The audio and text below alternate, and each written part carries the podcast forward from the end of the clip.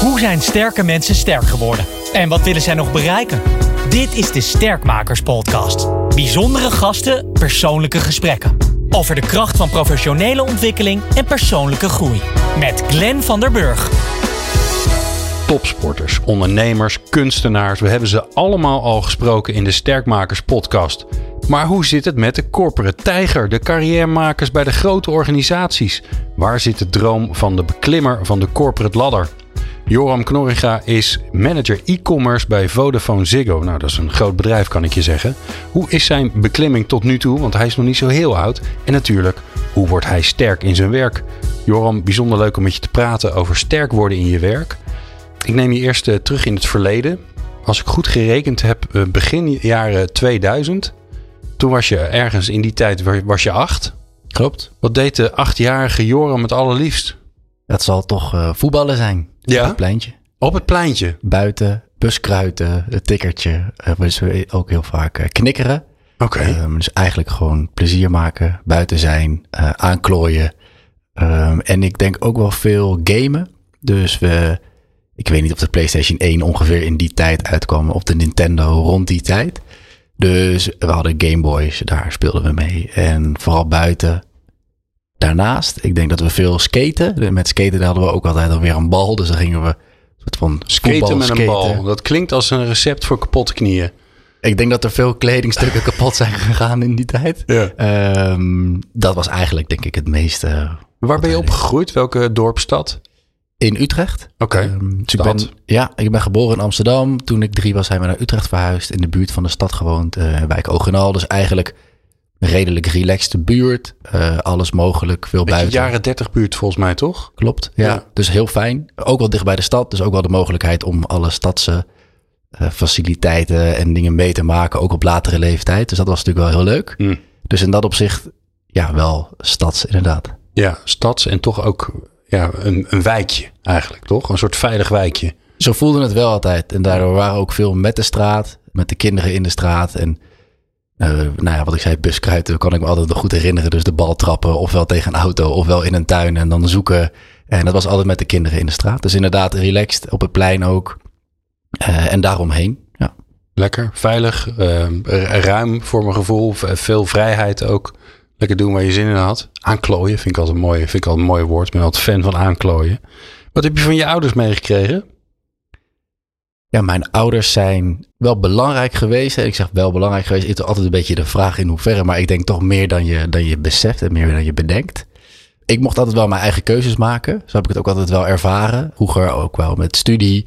En later ook in mijn werk. Ik heb nooit het gevoel gehad dat ik een bepaalde richting op ben geduwd. Of iets heb moeten doen of heb moeten bereiken wat zij voor ogen hadden.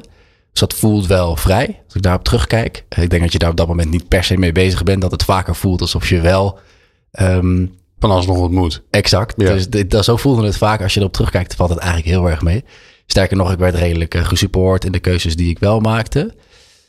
Dus dat is iets wat ik me wel heel goed kan herinneren. Gastvrijheid, lekker Oh, eten. oké. Um, mijn ouders zijn uh, fan van India. Dus we hadden altijd veel India's eten al op jonge leeftijd op tafel. Dus in dat opzicht van alle soorten keukens, uh, denk ik, gewoon meegekregen.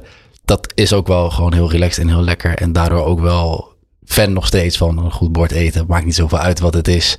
Uh, wijn, bier erbij en, uh, en gewoon goed gezelschap. Maar gastvrij betekende dat ook dat die vriendjes, vriendinnetjes die je op straat tegenkwam, die bleven dan ook wel eens hangen en uh, of je ging eens ergens anders eten. Zo, zo ja, nee, zeker. vloog het in en uit in de, ja, in, in ja. ogen al, in de, in, de, in de huizen in de buurt. Ja, ik wil niet zeggen dat we bijna een buurthuis waren, maar iedereen was wel altijd welkom. Vriendjes over de vloer. Ook bij anderen natuurlijk, dus het was ook wel wederzijds. En ook wel, ik kan me herinneren, want deze vraag is toevallig laatst gesteld tijdens een training. Dus ik had al ergens hey. nog een ander haakje. En dat was dat we ook wel uh, iedereen gelijk. En wat ik daarmee bedoel, mijn moeder heeft lang bij vluchtelingenwerk gewerkt. En mijn vader, uh, professor in de ontwikkelingseconomie. Dus ook veel buiten Europa en ook binnen Europa geweest. Dus we moesten ook altijd wel ons bord leeg eten. En niet alleen omdat er ook wel afspraken waren. Dus dat is eigenlijk een, een andere iets wat ik heb meegekregen. Maar ook wel gewoon uh, normaal doen. En uh, zo bijzonder ben je niet. Er zijn heel veel mensen die het helemaal niet zo goed hebben als jij. Ja, ja. Uh, dus eet je bord op, gedraag je goed. maar maak ook wel gewoon plezier. Dus er was een vrijheid in een soort van nou, grote raamwerk, om het zo te ja, zeggen. Ja, wel een soort besef van we hebben het hier goed. En daar moet je je ook wel een beetje naar gedragen. Ja, dat heb ik wel zo ervaren. Ja. En zo heb ik het ook nog steeds. Ik, ik ben ook snel blij en snel tevreden met de dingen die ik heb. Uh, nou, ik heb ook een mooi leven, dus op zich heb ik ook niks te klagen. Um, ja. Maar daar, uh, ja, daar vraag ik ook wel waarde aan. Ja. Nou, is het vaak zo hè, dat zelfs met, uh, met kinderen die opgroeien in een, in een gezin waar het, waar het allemaal heel gezellig is en koek en ei is, dan op een gegeven moment gaan de, komen de hormonen los.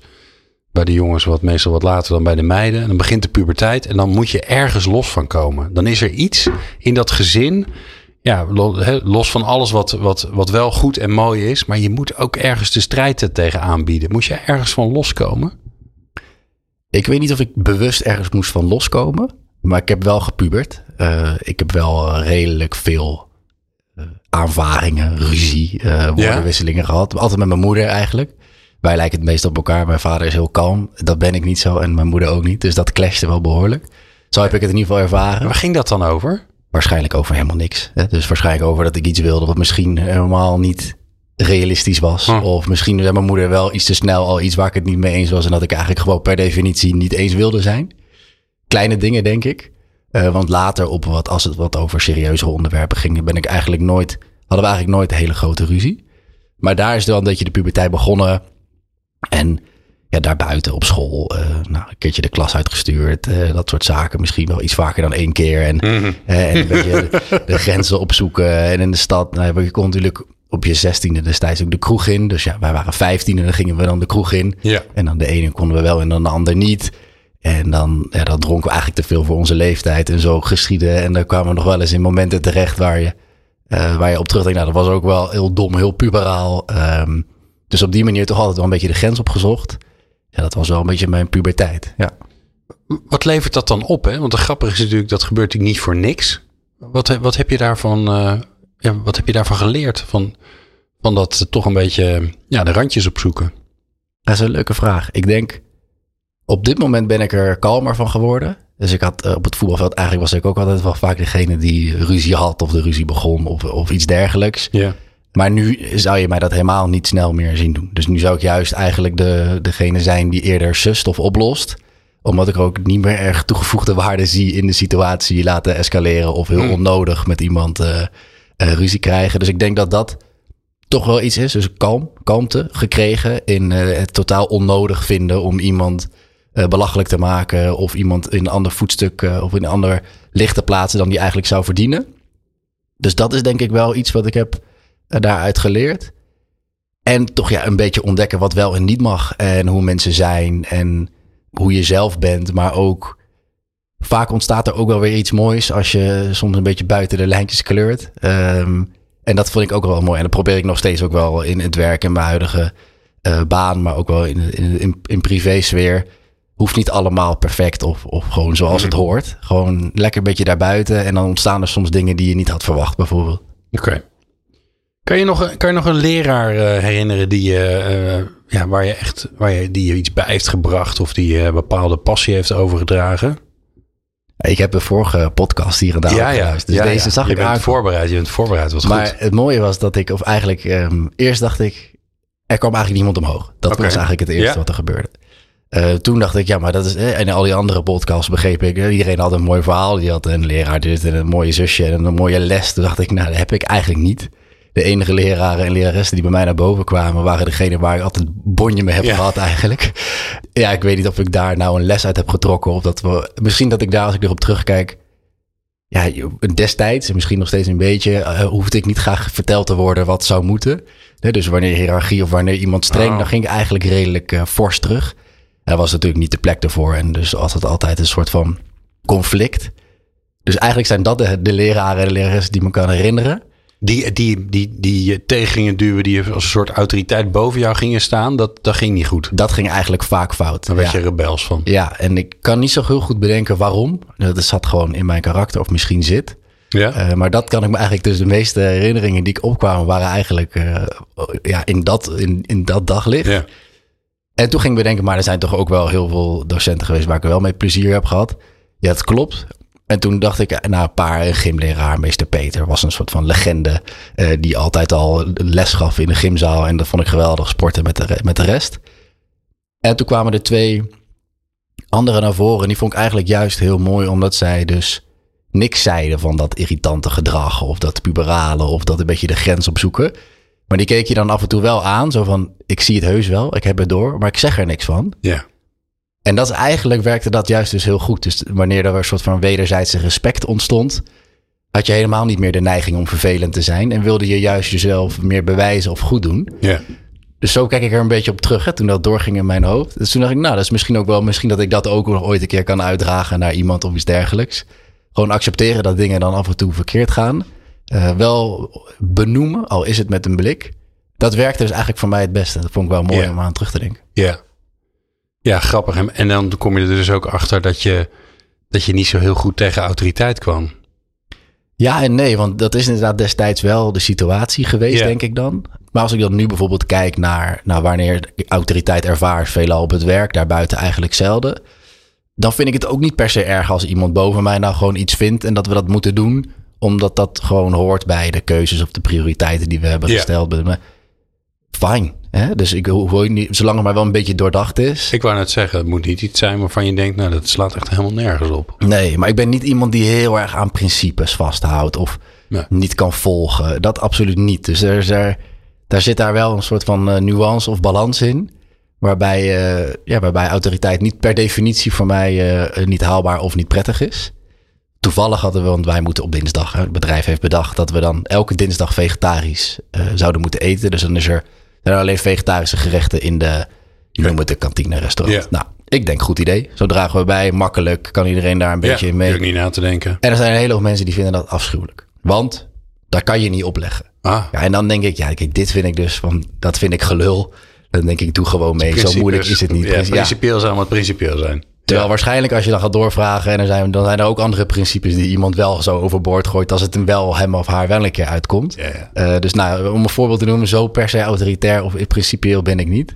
Maar ergens is dat blijkbaar misschien de middelbare school en de puberteit en net daarna wel eh, iets geweest waar ik mee te maken had. Ja. Dan komt er een moment, hè, dan, dan, moet je gaan, ehm, dan moet je gaan bepalen wat je eigenlijk wil. En dan moet je gaan kiezen wat je gaat, eh, wat je gaat studeren, welke vervolgopleiding je gaat doen. Wel- Welke keuzes lagen er voor jou voor? Had je meerdere, meerdere opties in je hoofd? Ik vond dat best moeilijk.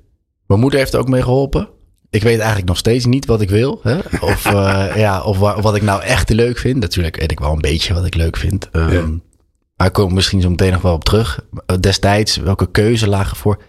Ik vond al de hot- hotelschool altijd iets heel interessants. Eh, omdat ik gewoon affiniteit heb met eh, de horeca.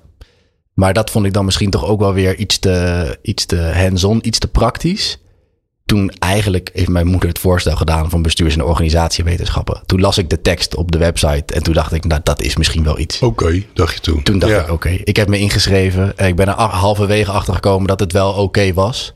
Maar dat het voor mij iets te... Het was een sociale wetenschap. Iets te sociaal in dat opzicht dat het ging ook over ethiek en over organisatie en over cultuur. Heel interessant, maar ik miste zelf eigenlijk het meer, iets meer de, de kwantitatieve, de hardere kant. eh, marketing, eh, strategie. ehm. Ja. En dat vond ik leuk. Dat heb ik toen ook gezocht in de master bedrijfskunde. Dus gaandeweg via een minor, via een tussenjaar, via een stage... achtergekomen wat ik dan eventueel leuk zou vinden. Ehm, dus ik had op dat moment eerlijk gezegd geen idee. Er waren ook niet vijf opties. Het was een linkje naar een website waar ik op heb geklikt en eh, zo geschieden. Ja. ja, dus eigenlijk was je er niet zo heel erg mee bezig gewoon. Nee, ik heb na mijn middelbare school ook eh, een jaartje er tussenuit eh, geweest. Dat betekent dat ik in de horeca heb gewerkt. eh, daar ook wel een stukje volwassener geworden. Dan moet je toch gewoon in één keer tien uur op een dag je, je, shit voor elkaar hebben. Ja. En gewoon mensen helpen. En vrolijk blijven. vrolijk blijven. Maar dat vond ik dus heel leuk. En daar kreeg ik heel veel energie van. Ehm, vandaar ook dat ik een beetje begon na te denken over de hotelschool. Ja, zo eigenlijk uiteindelijk bij die studie uitgekomen. Ehm, Ja. En ik ben toen vier maanden in Malta geweest. Daar heb ik een Engelse cursus gevolgd. Ehm, dat was heel gaaf. Dat was gewoon de wereld ontdekken. Je ontmoette daar alle andere nationaliteiten. En toen kwam ik erachter dat ik eigenlijk best goed Engels sprak. Hè, want ik kwam omdat ik vond dat ik niet zo goed Engels kon. En eigenlijk was mijn Engels best wel goed als je het vergelijkt met eh, Turkse vrienden die ik heb gemaakt. Daar Brazilianen, Portugezen, eh, mensen uit Japan. Dus echt eh, heel divers. En ook had ik best goed door hoe de wereld eigenlijk in elkaar zat, dacht ik. Althans, ik, meer in de zin van mensen vonden dat, eh, dat de Nederlanders over het algemeen, of in ieder geval ik op dat moment, nou, redelijk uh, dingen, de, de dingen begrepen. We, we vonden het leuk om avontuur te begaan en om dingen te organiseren. En we trokken de rest daar een beetje in mee. Dat was voor mij ook wel een hele mooie leerschool. Eigenlijk nog wel veel meer en een stuk meer volwassen geworden dan ja, mijn middelbare school of de eerste paar jaar studie. Ja, hoe, hoe kom jij daar voor jezelf achter wat je leuk vindt, wat je spannend vindt, wat je interessant vindt, uh, waar je op wil ontwikkelen? Hoe, hoe ziet dat eruit voor jou? Ga je in de boeken zitten? Ga je dingen luisteren? Ga je dingen uitproberen? En voor mij zit hem heel erg op dat laatste. Oké. Uitproberen. Uh, ja zeggen. Dat is ook een van de redenen waarom ik hier nu zit. Hè. Ja, ik zei al net iemand heeft jou iets gevraagd. Ja. Kom, kom je, ik wil jij in de podcast. Kom je? En toen Ja. zei je ja. Toen zei ik ja en dat, dat duurde dus ook even. Eh, Net ook rustig toegelicht. Dat ik, ik ook daar wel een beetje over twijfelde. Maar toch ja heb gezegd. Ook heel leuk om hier nu te zijn. En nu ervaar ik dat. En daardoor kom ik eigenlijk achter of ik het leuk vind. Dus dat is mijn manier om te ontdekken of ik iets leuk vind. Door te doen. Door ja te zeggen. Door te ervaren. Heb je een voorbeeld van iets, nou, behalve dit, waar, je, ehm, waar, waar iemand anders je voor heeft gevraagd of heeft uitgenodigd waar je ja op zei? Ik denk dat het bijvoorbeeld is gebeurd in, in mijn voetbalteam. Dus ik voetbal daar bij een club in, bij Desto, Leidse Rijn. En vervolgens vroeg iemand om mij te gaan voetballen bij een andere club. En dat kwam eigenlijk wel goed uit, want we gingen verhuizen. En ga je ontdekken, ga je daar eens kijken. Nou, ja gezegd, een hele mooie tijd gehad. Uh, maar ik weet ook heel goed nog, uh, uh, als je op vakantie bent bijvoorbeeld. En ik heb ook een tijdje, ik ben ook een tijdje met eentje op vakantie geweest. En dan als iemand zei, ga je mee? Ja, is goed.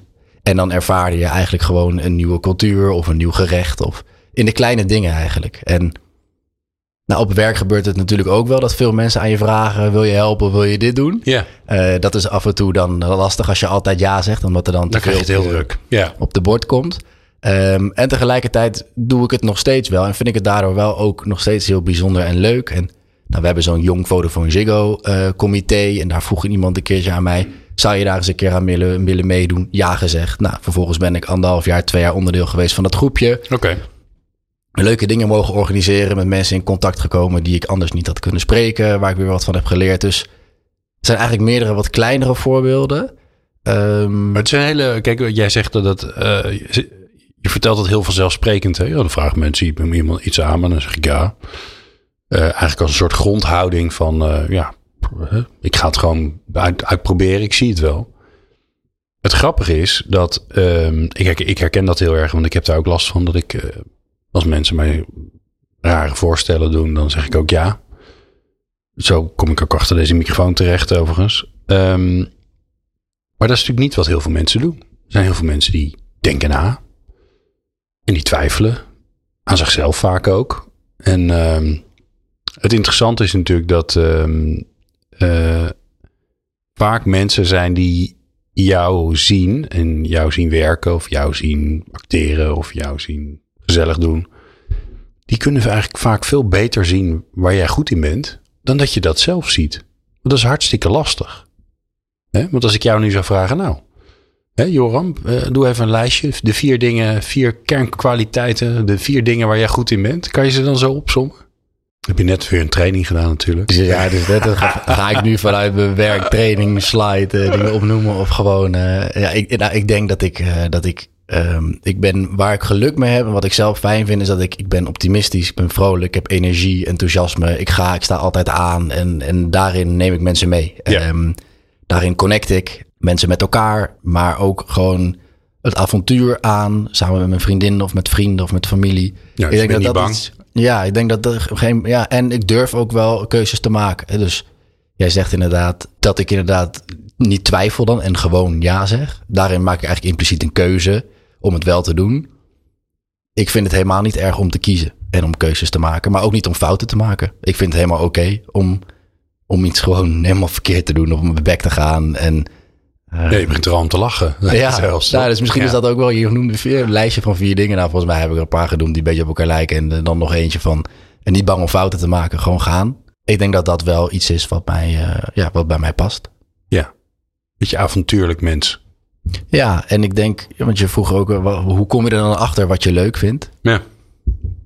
Wat, wat voor mij de grootste dooddoener is. En eigenlijk het meest waardeloze advies, om het even zo te zeggen. En dan snij ik wel een paar bochten af, dus het klopt niet helemaal. Maar dat is als mensen tegen je zeggen, doe gewoon wat je leuk vindt. Doe waar je energie van krijgt. Ja. Want als je jonger bent, dan weet je dat helemaal niet. Ik kan het zeggen, als je ouder bent, weet je het ook nog steeds Nou, niet. dank je. Hè? Dus dat is mooi. maar toch, moeilijk, maar ja. toch geven mensen dat advies de hele tijd. Hè? Doe wat je leuk vindt. Dan denk ik, maar als iemand eh, bijvoorbeeld onzeker is, word gewoon zelfverzekerd. Dat kan, Ja. dat kan niet. Dat, is geen, dat, is- dat bestaat niet. Dus daar is een proces of een situatie voor nodig of iets waar je in moet leren. Dus volgens mij is dat, nou ja, dus het slechtste advies. Het is eigenlijk het beste advies, maar om er te komen is het natuurlijk heel moeilijk. Dus ik zou eerder dan willen nadenken, ja, hoe, hoe ervaar je of hoe ontdek je wat je leuk vindt? En dat is voor mij dus gewoon door heel veel dingen te doen. En zeker ook ja te zeggen tegen de dingen waar je eigenlijk misschien wel, ehm, die je misschien wel helemaal niet zo leuk vindt. Dus ik heb een keer een project gedaan binnen finance. En ik, ik vind finance helemaal niks. Eh, maar zoveel van geleerd.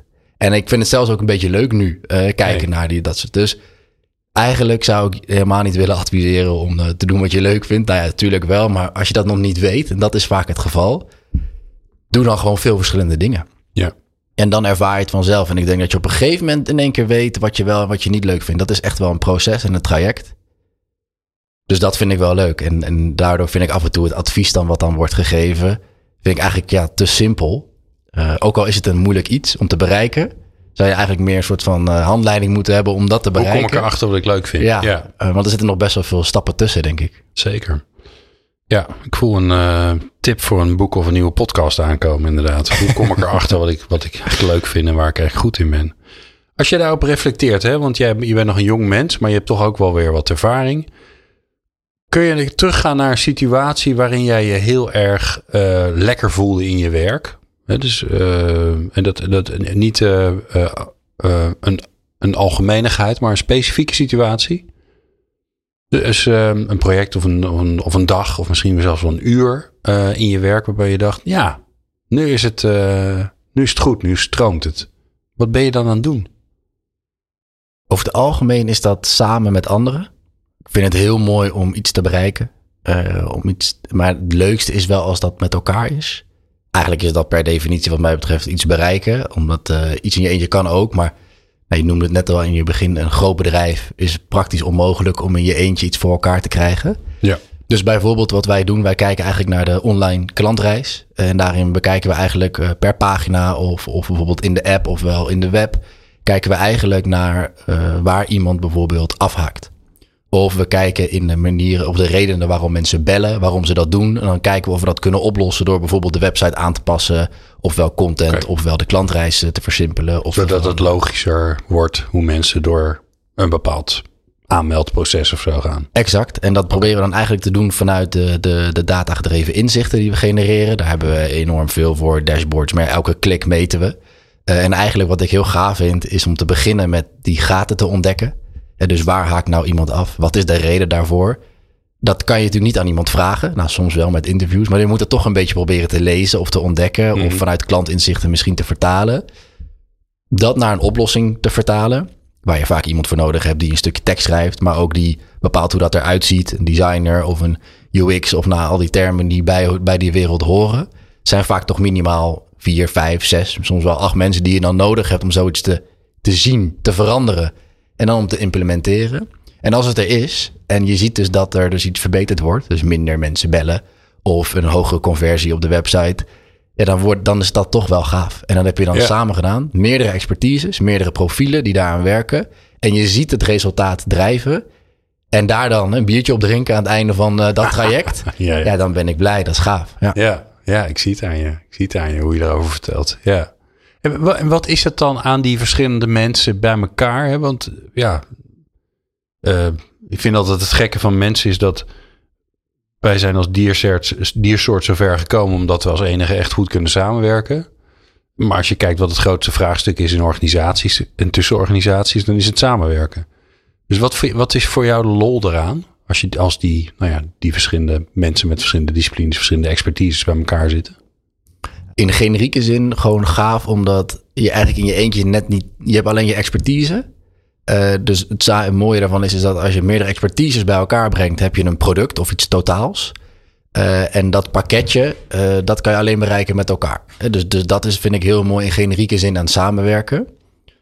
En maar waar ik denk ook wel... ehm, het, hetzelfde gaat bijvoorbeeld in het voetbalveld. Hè? Dus je kan, als je niet met elkaar communiceert, dan gaat het vaak niet goed.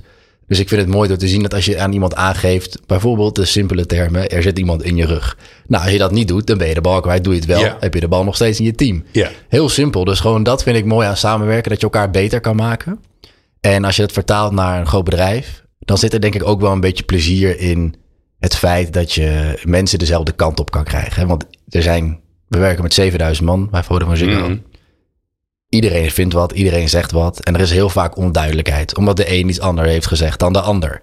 En als je daar dan een soort van duidelijkheid in kan scheppen, gewoon door, door te zeggen, en soms ook wel te bluffen, eh, dit wordt het, of we gaan hierheen. Ja. En mensen doen dan mee en je krijgt het voor elkaar. En dat was niet gebeurd als jij dat niet had gezegd of had gedaan op dat moment.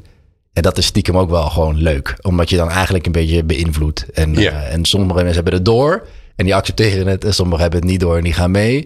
Maakt eigenlijk niet zoveel uit. Zolang je dus maar samen diezelfde kant op beweegt. En dan iets fixt. Of iets voor elkaar krijgt. En dat is ook samenwerken dan in dat opzicht. Het leuke is natuurlijk met wat jullie doen eh, in de website of in de app. Dat je je past iets aan, maar je kunt ook zien of het gewerkt heeft. Vaak dat is- wel. Dat is, dat is natuurlijk mooi van deze tijd. Dat je ja, met data en het klikgedrag van mensen kun je, ja, kun je zien of eh, heeft het nou eigenlijk zin? Of is er helemaal niks veranderd? Of is het slechter geworden? Dat kan natuurlijk ook nog wel eens gebeuren. is niet Zeker. open. Ja. Dat is natuurlijk wel gaaf. Dat je, dat je effect hebt van wat je doet. Niet heel onbelangrijk. Wat, wat doe je eigenlijk zelf om, om, eh, om sterker te worden, je te ontwikkelen in je, in je professionele leven?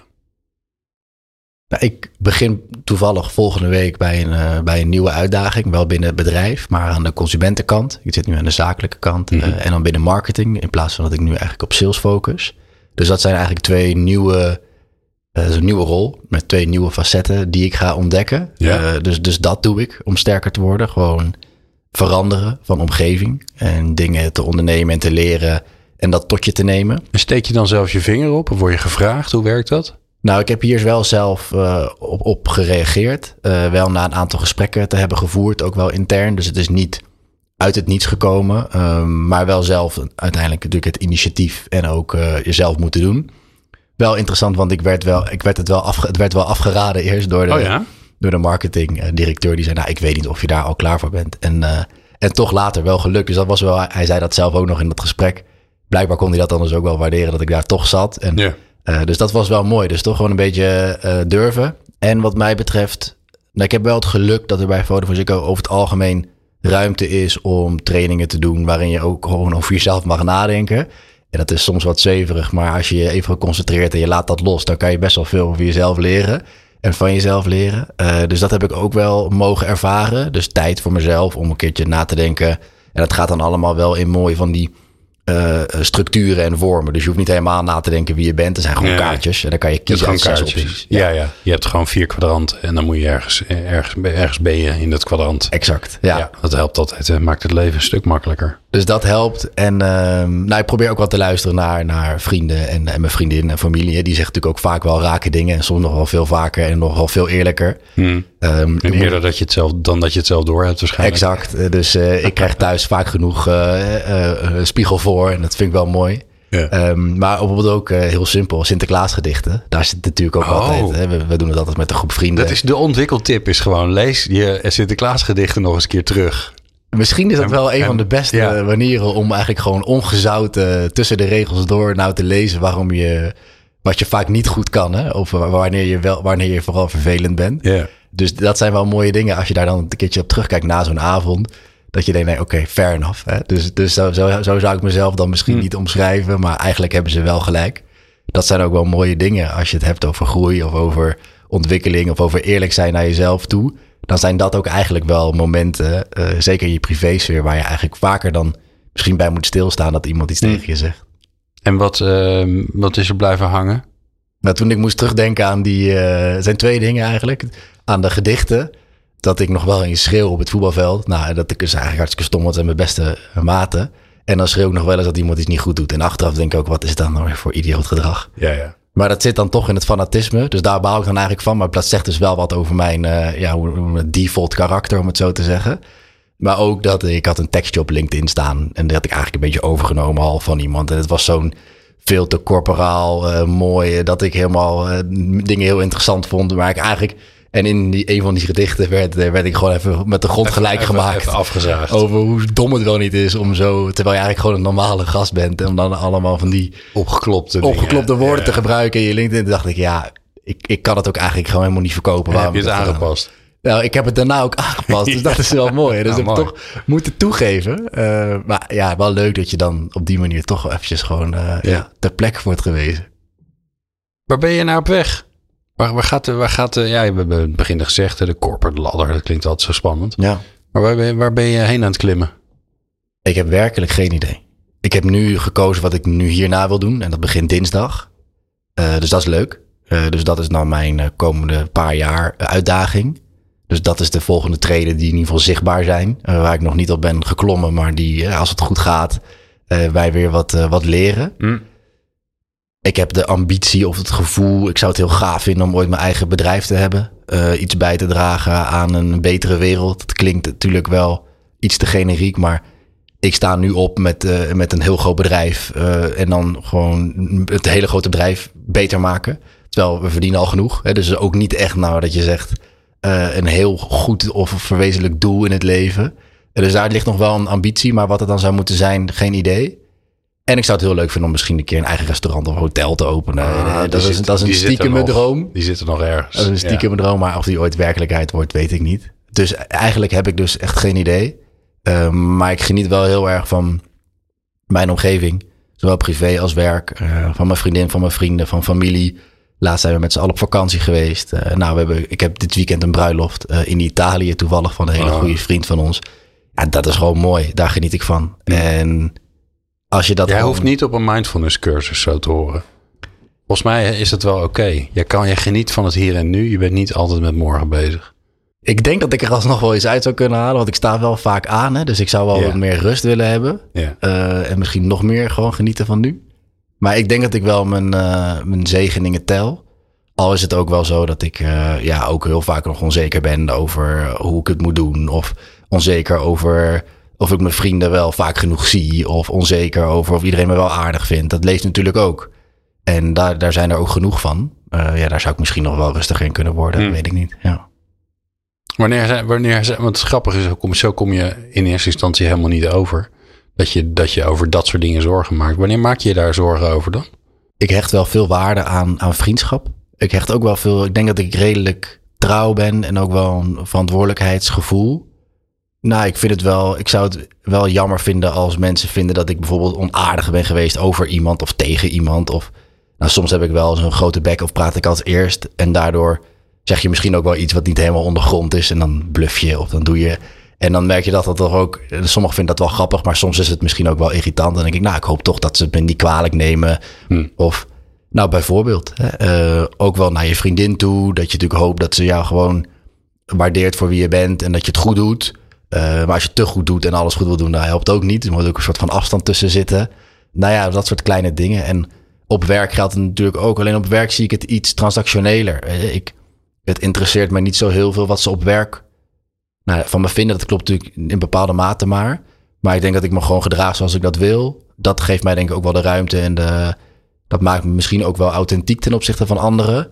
Eh, misschien ook wel de reden waarom Nol mij heeft uitgenodigd om dan hier te zijn. Dat Ja. weet ik niet. Ehm, maar natuurlijk eh, zijn dat gewoon best wel, ja, vind ik het wel, of niet natuurlijk, maar ik vind het wel belangrijk. Of er zit een onzekerheid in aardig gevonden worden. Ja. Hoe check je dat? Bij je vrienden, bij je... Bij je ja, want als je weet dat je, dat je soms een beetje flap uit bent... en dat je, dat je hier en daar wel eens een, eh, een scheenbeen raakt. eh, niet letterlijk, nou misschien ook nog wel eens letterlijk in het veld... maar vooral figuurlijk. Hoe ga je daar dan mee om? Soms moet je gewoon sorry zeggen. Of gewoon vragen of iemand het vervelend vond. ja. Eh, dus ik bied ook wel eens mijn excuses aan. Dat ik niet moeten doen. Of ehm, nou, dat soort dingen. Ja. Ja. Gewoon excuses aanbieden. Gewoon kwetsbaar zijn. En, er, en af en toe gewoon naar vragen. Wat vond je ervan? Wat vind je ervan? Of eh, gewoon zoiets. Ja. ja. Dat klinkt als een uitstekende manier om dat te doen. Ja, en soms gewoon slikken en doorgaan. En, Slikken. Ja, weet je, en, Slikken. en vaak maak je je ook minder eh, drukker dan het dan nodig is. Hè? Dus als je, als je eenmaal hebt geslapen, je wordt wakker, dan zijn vaak veel zorgen alweer verdwenen. Ja. Ik neem je een enorm end mee in de tijd. Want eh, we gaan samen naar je tachtigste verjaardag. Dus dat eh, duurt nog wel even. Ja, het zou mooi zijn als ik het haal. Ja, nou ja, als je een beetje blijft voetballen en zo, dan komt het wel goed volgens mij. Niet te veel drinken, niet te veel, niet roken vooral, dat is heel goed. Um, je familie en vrienden zijn op je verjaardag. Je bekende, iedereen die je lief, lief heeft en uh, die jij lief hebt. En er wordt over je gespeecht. Wat hoop je dat ze zeggen over je? Ik denk dat er al een paar dingen zijn voorgekomen die ik hoop dat ze zeggen. En waarschijnlijk ook wel een paar andere kanten die ze dan uh, zeggen, waar ze misschien, of die ze dan niet zeggen als ik jarig oh ja, eigenlijk, je bent nog jarig, je bent nog niet, het is niet je, het is niet je begrafenis. Dus, nee, nee, je dus leeft hartstikke. Nog, nee, het is zullen je ook nog misschien een keertje. Je bent in gezondheid 80 geworden. Ja, mooi. Ik, um, ik zat toevallig dit weekend in de tuin en, uh, en daar hadden we een mooi gesprek. En de vraag was eigenlijk, wat vind je nou leuk aan, aan het innerlijk van, van deze persoon? En toen werd gezegd over mij uh, levensgenieter. Iemand die altijd ja zegt, waardoor dus altijd iets kan. Dus dat vond ik mooi. Uh, dus ik, daar was ik eigenlijk ook wel een beetje trots op. Dus ik dacht, nou, dat is dus ik denk dat, dat, dat ze dat aan me zouden herinneren. Uh, een connector, iemand die het leuk vindt om mensen bij elkaar te brengen. verschillende vriendengroepen, maar ook dingen te organiseren. Voor het voetbalteam, voor vrienden, of voor familie. dat vind ik ook altijd leuk. Ik zou eigenlijk het meest trots zijn als mensen gewoon goede herinneringen over hebben aan de tijd samen. dus dat ze zeggen, oh, wist je nog toen we, nou, noem hm. het. En, en dat, dat, dat dat zijn de dingen zijn die iemand herinnert. Ik denk dat dat het meest waardevol is wat je eigenlijk kan creëren. Dus dat zou mooi zijn als mensen dan dat soort herinneringen ophalen waarvan ze denken, oh, dit en toen deed je dit en toen zei je al lachen, weet je wel. Dat vind ik mooi. En uh, ik denk dat ze dan ook wel dus uh, af en toe een beetje vinden bluffen en uh, irritant vinden en een beetje hard schreeuwen. Um, dat is minder geworden over de jaren, denk ik. Uh, maar dat is ook wel een beetje de andere kant. En misschien ook wel heel erg, als ik iets wil, dan vraag ik ook, en heb je het al gedaan? En dan niet, dan vraag ik misschien al wel te snel of iemand het al heeft gedaan. Hè? Dus ja, misschien ook een beetje. Je bent een beetje een drammertje zo nu dan. Nou ja, ik denk dat dat toch wel zo wordt ervaren. Ja, ja. En dat merk ik zelf niet, behalve als mensen dat tegen me zeggen. Dus ja, ja. als je daarnaar luistert, dan zal dat waarschijnlijk ook wel iets zijn wat terugkomt. Ja. Is er nog iets, ja, dat is een beetje een rare vraag altijd, maar je bent 80 ondertussen. Hè? Dat is wel, even een wereldje, wereldje uh, uh, voorbij aan waar, je nu staat. Is er nog iets wat je hoopt na te laten? Je had het net even gezegd van ja, ik werk nu voor Vodafone Ziggo. Dat is hartstikke leuk. Maar ik wil eigenlijk toch ook nog wel, ja, ik wil toch eigenlijk ook nog een soort van impact op de wereld maken. Ik wil nog iets bijdragen. Je bent nu 80, hè? dus je hebt nog, wat is het, bijna 50 jaar te gaan zo'n beetje. Wat hoop je op dat gebied achter te laten, voor elkaar te hebben gekregen? Ik vind dat heel moeilijk om concreet te maken, hè, om iets te zeggen. Want anders dan had ik het misschien al wel uh, meer tijd aan besteed zelf of, of gedaan. Ja. Maar ik denk dat ik er en we niet omheen kunnen dat er gewoon een hele hoop in de wereld op dit moment uh, nou, de verkeerde kant op gaat. Uh, let even bij bijvoorbeeld het klimaat houden. We moeten toch een steentje bijdragen. Uh, maar het zou ook wel heel mooi zijn om iets gedaan te hebben waarbij een noem het een wijk of een bepaalde bevolkingsgroep. Of een, uh, het kan ook een proces zijn in een, in, een, in een heel simpel bedrijf bijvoorbeeld. Maar misschien even los van het bedrijfsleven zou het fijn zijn als je mensen iets hebt kunnen bijleren. Of, of, en dat kan ook misschien wel in dat onderwerp zijn. Hè? Dus misschien uh, een cursus starten over iets. Of uh, misschien, maar mijn vader is docent. Wie weet kan ik ooit nog een keer mijn kennis overdragen van bedrijfsleven aan de, aan de collegebanken. Dat zijn wel dingen die ik wel heel leuk zou vinden. En ergens ja, heb ik wel de behoefte om meer te doen dan alleen het, eh, het corporate wiel uh, draaiende te houden. Maar ik weet nog niet zo goed wat dat is. Nee. En ik vind ook dat je er bijna niet omheen kan in deze tijd om daar wel een behoefte eh, voor te ontwikkelen. Maar heel moeilijk om te zeggen wat het dan moet zijn. Nou, dan heb je daar nog wat te doen. Is toch fijn, hè? ja. Ja, dan wordt het ook weer zo saai. hey, laatste vraag aan jou. Welke vraag uh, zouden mensen zich vaker moeten stellen als ze sterker in hun werk willen worden? En ik weet al welke vraag het in ieder geval niet is. Dat is namelijk. Wat vind je leuk? Doe, doe, doe, wat je leuk vindt of wat vind je leuk? Dat is een hele moeilijke vraag. Ja. Wat ze zouden willen stellen is: wat wil je graag leren? Wat zie jij als iets wat je graag een keer wil doen? En dat kan zijn dat je het marketingvak wil ontdekken. Of dat je een keer een team wil uh, aansturen. Of dat je misschien een keer uh, van A tot Z de finance processen wil begrijpen. Dat of dat je. Zeker. Ja, of, of dat je misschien wel een hele gave reis wil maken. Dus wat zijn nou de dingen die je graag wil doen, ervaren, leren? En hoe ga je dat voor elkaar krijgen? Dus hoe, hoe bereid je je daar ook op voor? Want soms is het best moeilijk om een keuze te maken. Zeker vanuit, vanuit het niets of vanuit een huidige rol. Um, vanuit een huidige plek ineens iets anders doen is best moeilijk. Dus misschien zit er dan ook wel een stukje na als je dat bedacht hebt. Hoe ga je dat dan voor elkaar krijgen? En dat kan natuurlijk ook op verschillende manieren. Maar dan ben je een beetje bezig met met het vervolg, met vooruit. Ja. denk dat ik dat, eh, dat zou wel mooi zijn. Ja, dus ik zie voor me een lijstje maken. Nadenken van, goh, hoe ga ik dat fixen? En dan gewoon dingen gaan doen. Zo simpel zou ik het ook zeggen. En dat Ja. is het helaas vaak niet Helaas in de werkelijkheid. niet. Nee. Maar als je daar dichtbij in de buurt kan blijven en voor de rest doet wat je leuk vindt, dan kom je er wel. Ja, je moet vooral doen wat je leuk vindt. Dat is belangrijk. Joram, ik vond het bijzonder leuk eh, om met je te spreken. Je luistert naar Joram Knorringa. Hij is eh, manager e-commerce. Eh, Ben je dus er eigenlijk niet meer? Of je zit op het randje, hè? Nou Ja, ja. nog wel. Nou ja, hij werkt in ieder geval bij Vodafone Ziggo. Daar gaat het om. Ehm, dankjewel, Joram. En jij natuurlijk dankjewel voor het luisteren. Eh, wil je meer weten, dan staan alle linkjes en zo. Die staan in de show notes. Op naar de volgende Sterkmakers podcast. Bedankt voor het luisteren naar de Sterkmakers podcast. Hopelijk heb je er nieuwe energie van gekregen. Maar echt sterker word je door er iets mee te doen. Dus waar wacht je op? Aan de slag! Meer podcasts vind je op jouw favoriete podcast-app door te zoeken op de Sterkmakers podcast. Bezoek ook onze website sn.nl/podcast voor alle informatie over de Sterkmakers podcast.